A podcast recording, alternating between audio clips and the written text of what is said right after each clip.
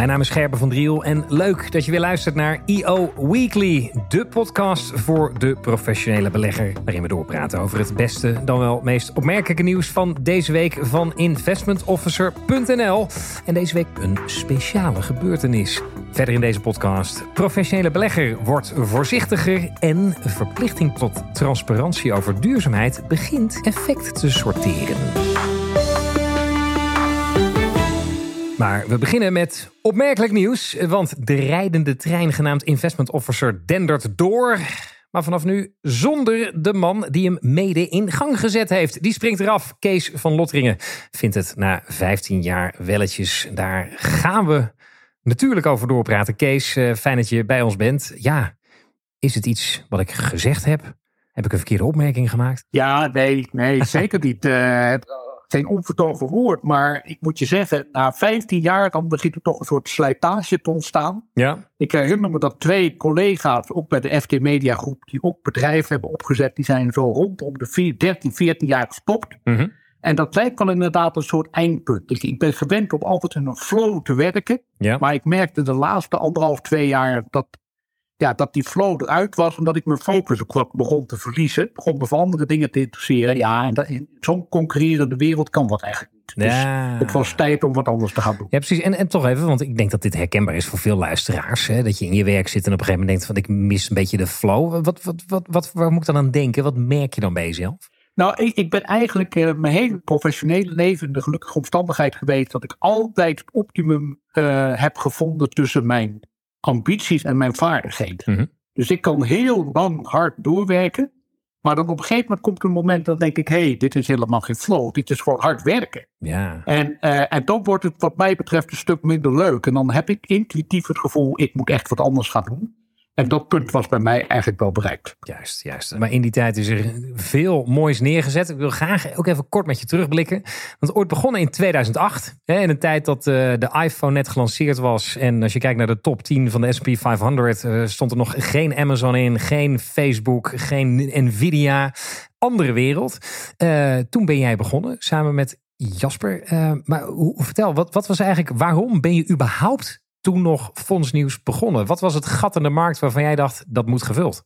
Ja, nou, ik ben daarvoor uh, adjunct hoofdredacteur van het Financiële Dagblad geweest. En daarna 2,5 jaar heb ik uh, de internetactiviteiten van de FT Media Groep gedaan. Mhm. We gingen in twee jaar tijd van 180.000 naar 1,3 miljoen unieke bezoekers. Ja. Uh, ook daar weer heel hard gewerkt. Geweldig, een geweldige uitdaging. Maar toen dat achter de rug was, zei ik tegen de algemeen directeur van het FT, nou ik, weet je, ik ga wat anders doen. Het is mooi geweest. Toen zei hij van, nou weet je, pak even zes weken, denk eens na, misschien kunnen we iets samen doen.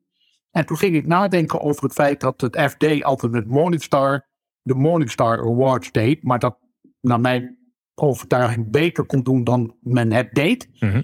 En toen ging ik nadenken over een platform voor beleggingsprofessionals. En toen zag ik op een gegeven moment een persbericht voorbij komen van een zekere Jasper Staring. Ja. Die had namelijk op hetzelfde moment eigenlijk hetzelfde idee. En die begon met een, uh, met een platform dat heette fondsinformatie.nl. Mhm.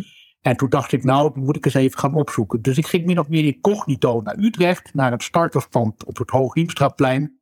Ik, nodig, of ik, ik uh, luisterde Jasper eigenlijk uit, hoorde hem uit voor, uh, voor een uur. En dacht toen, ja, deze man is zo uh, complementair aan wat ik kan. Ja. Hij, hij, weet namelijk heel veel van techniek en commercie, et cetera. En toen zei ik tegen hem, ja, luister Jasper, ik heb je eigenlijk uitgehoord, maar ik zit met hetzelfde initiatief heb ik, ben ik voornemens te starten met de FD Media Groep. Moeten we het niet samen gaan doen? Nou, toen hebben we een afspraak gemaakt met het FD. Zijn 28 augustus 2008 van start gegaan.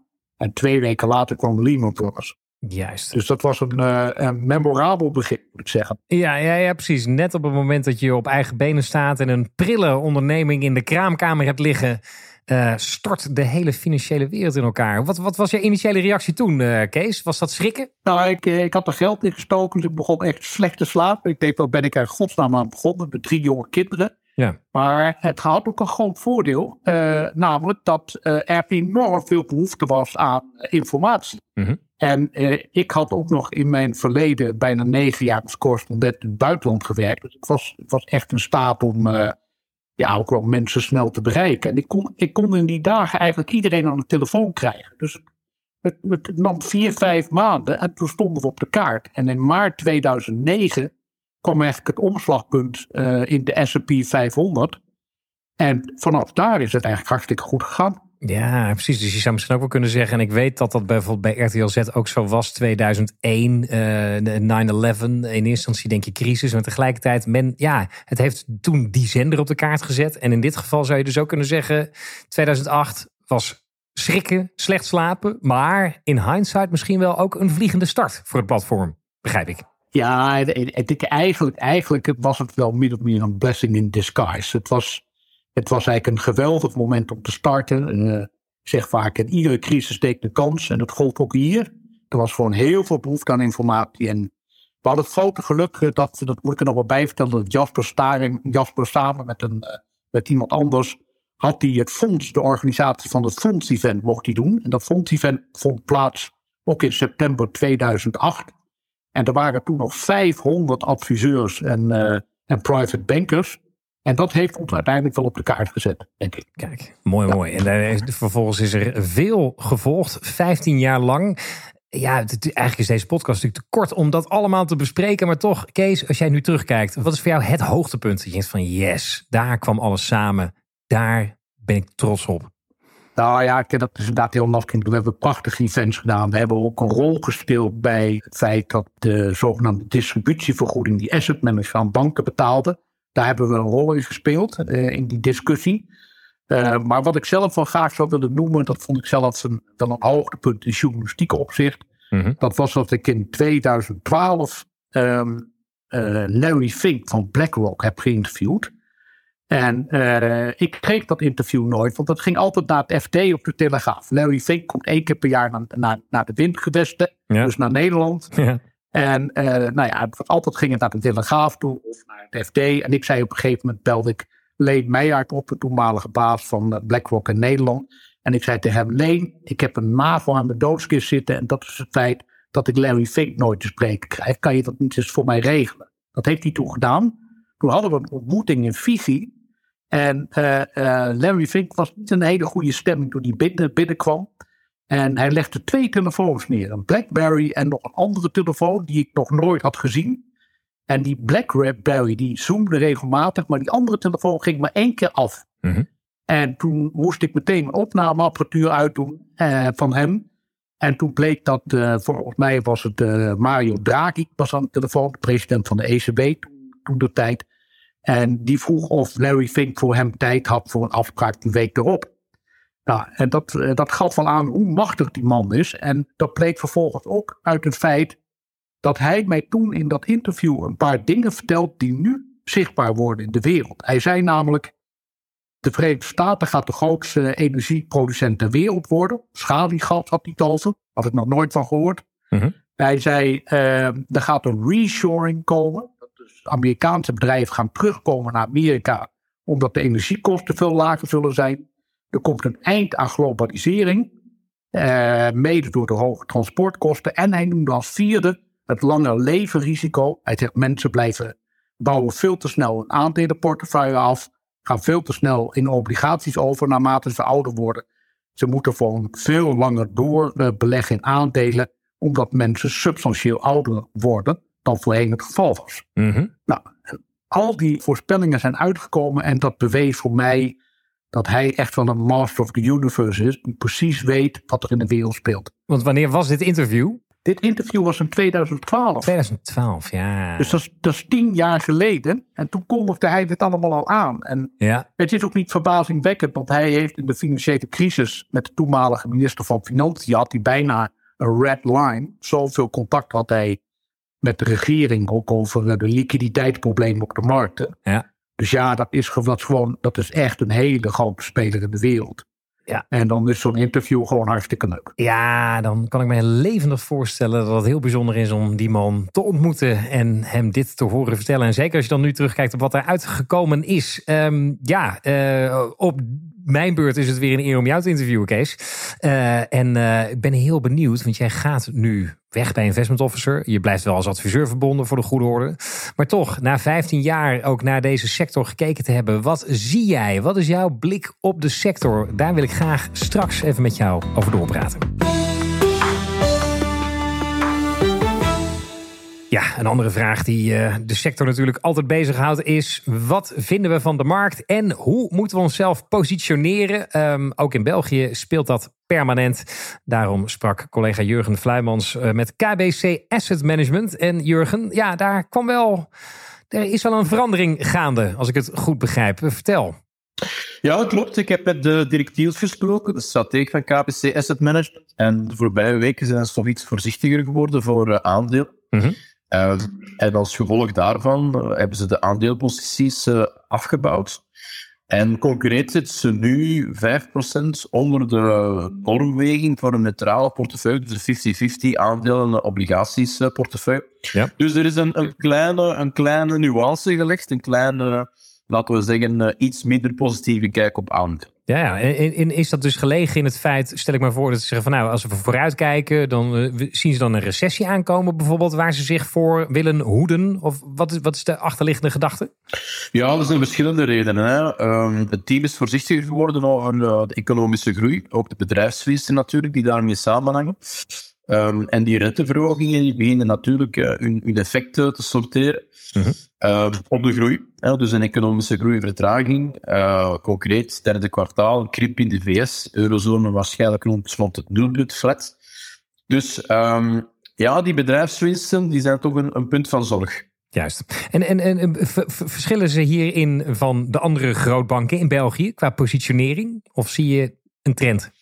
Wel, wat ons opvalt, als je spreekt met de strategen van de banken, is dat ze, laten we zeggen, grosso modo een beetje op dezelfde lijn zitten. Mm we zijn allemaal iets voorzichtiger geworden, uh, iets afgebouwd. Ook obligaties zitten ze vrij, uh, vrij kort, gezien de, de renterisico's nog altijd. Ook iets meer defensieve aandelen, dividendaandelen. Ehm, ze zitten allemaal een klein beetje op dezelfde lijn. Oké.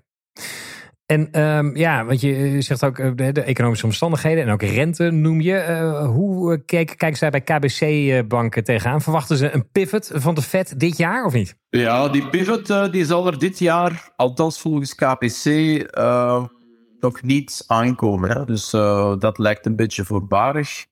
Um, het zou alleen, laten we zeggen, doorgang kunnen vinden in een scenario waarin je een heel snelle en heel sterke achteruitgang van de economische groei zou krijgen. Dus KBC heeft daar op dit moment nog niet zoveel uh, geloofwaardigheid aan. Resume, uh, dit jaar nog geen pivot, althans dat is niet de verwachting, maar wel iets meer beschutting zoeken, iets minder risicovol. Dankjewel voor je bijdrage, Jurgen. We blijven bij onderwerpen die de gemoederen blijven bezighouden. Vorige week spraken we al uitgebreid over in deze podcast. Duurzaamheidsregelgeving toen. Over uh, dat het, uh, ja, de Nederlandse professionele beleggers ermee blijven worstelen.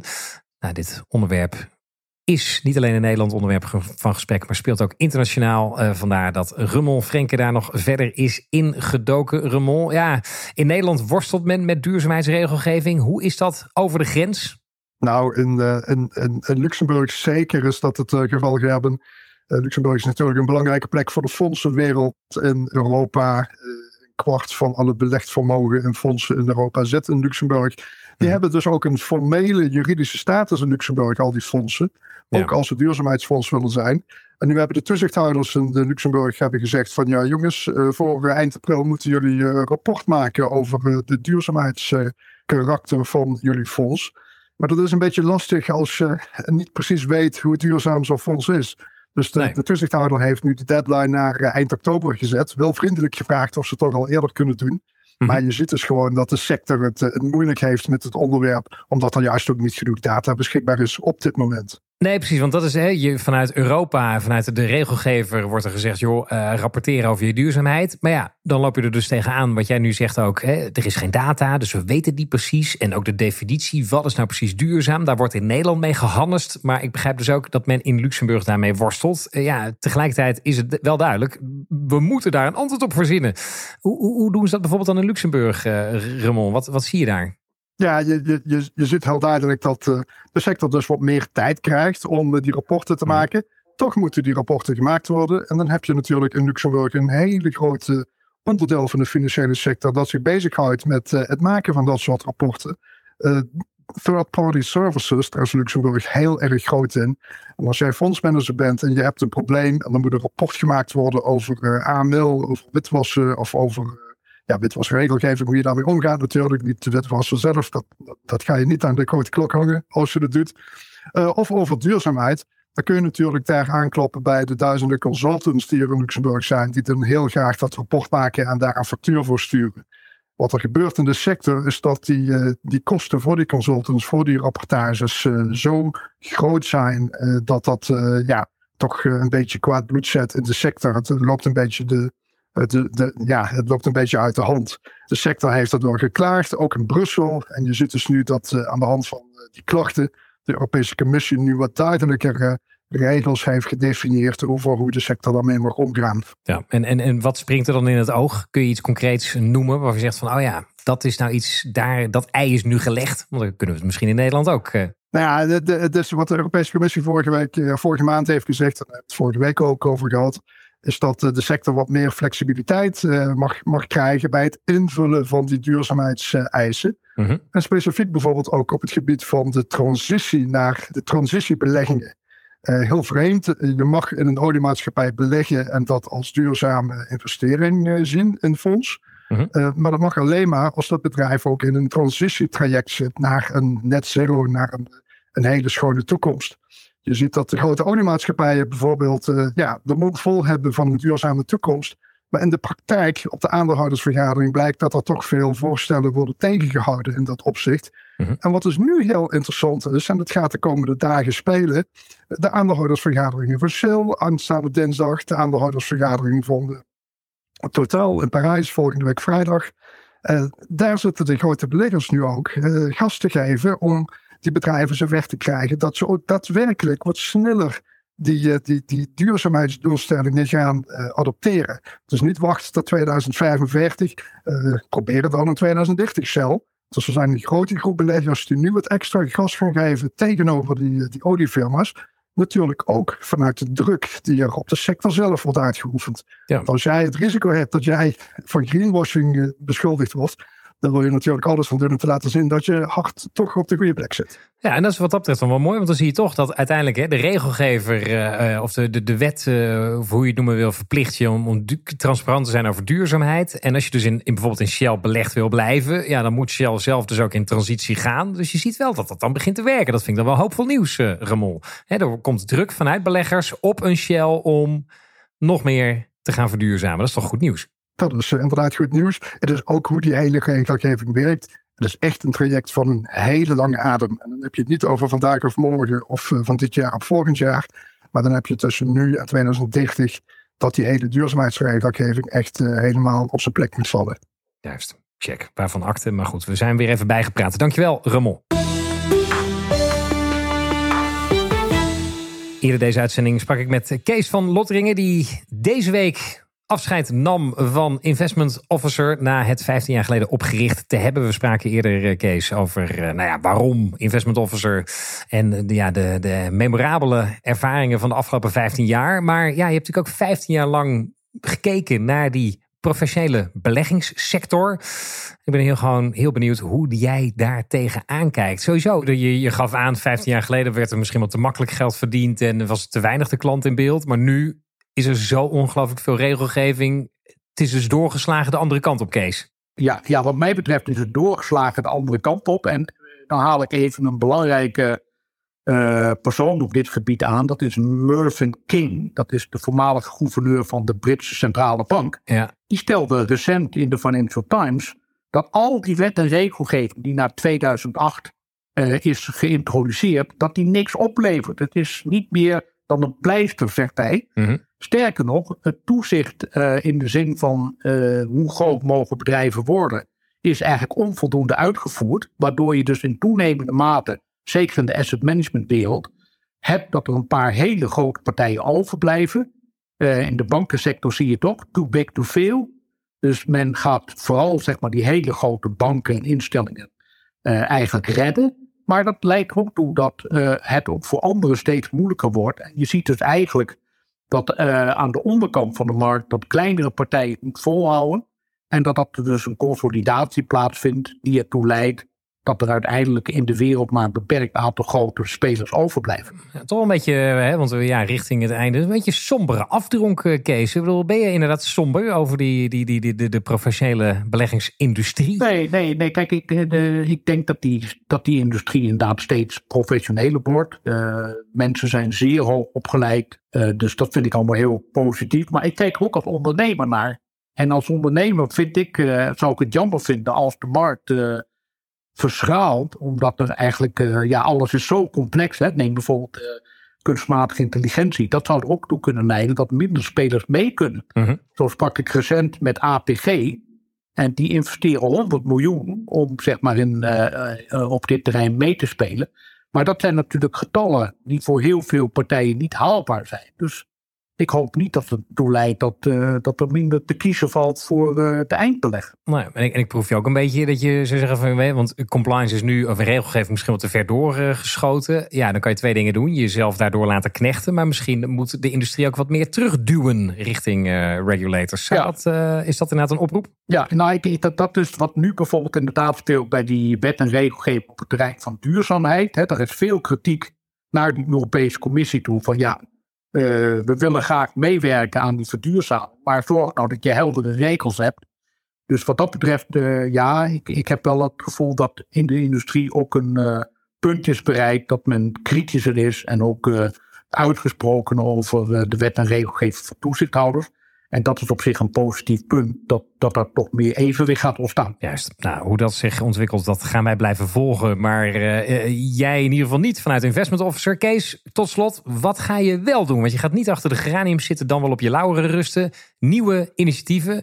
Waar kunnen we je, waar, hoe kunnen we daarvan blijven genieten? Ja, dat is, uh, dat is natuurlijk een moeilijke vraag. Ik lijk de coach van uh, Feyenoord wel. maar ik, ik weet het nog niet precies. Ik ah. moet je zeggen dat ik, ik ben net een paar dagen uh, uh, heb ik die functie losgelaten. Ik ga zeker met een nieuw project terugkomen. Ik weet nog niet wat dat precies zal zijn, mm -hmm. maar uh, het, ik denk niet dat het in de beleggingswereld is. Het kan wel een aanpalend iets zijn.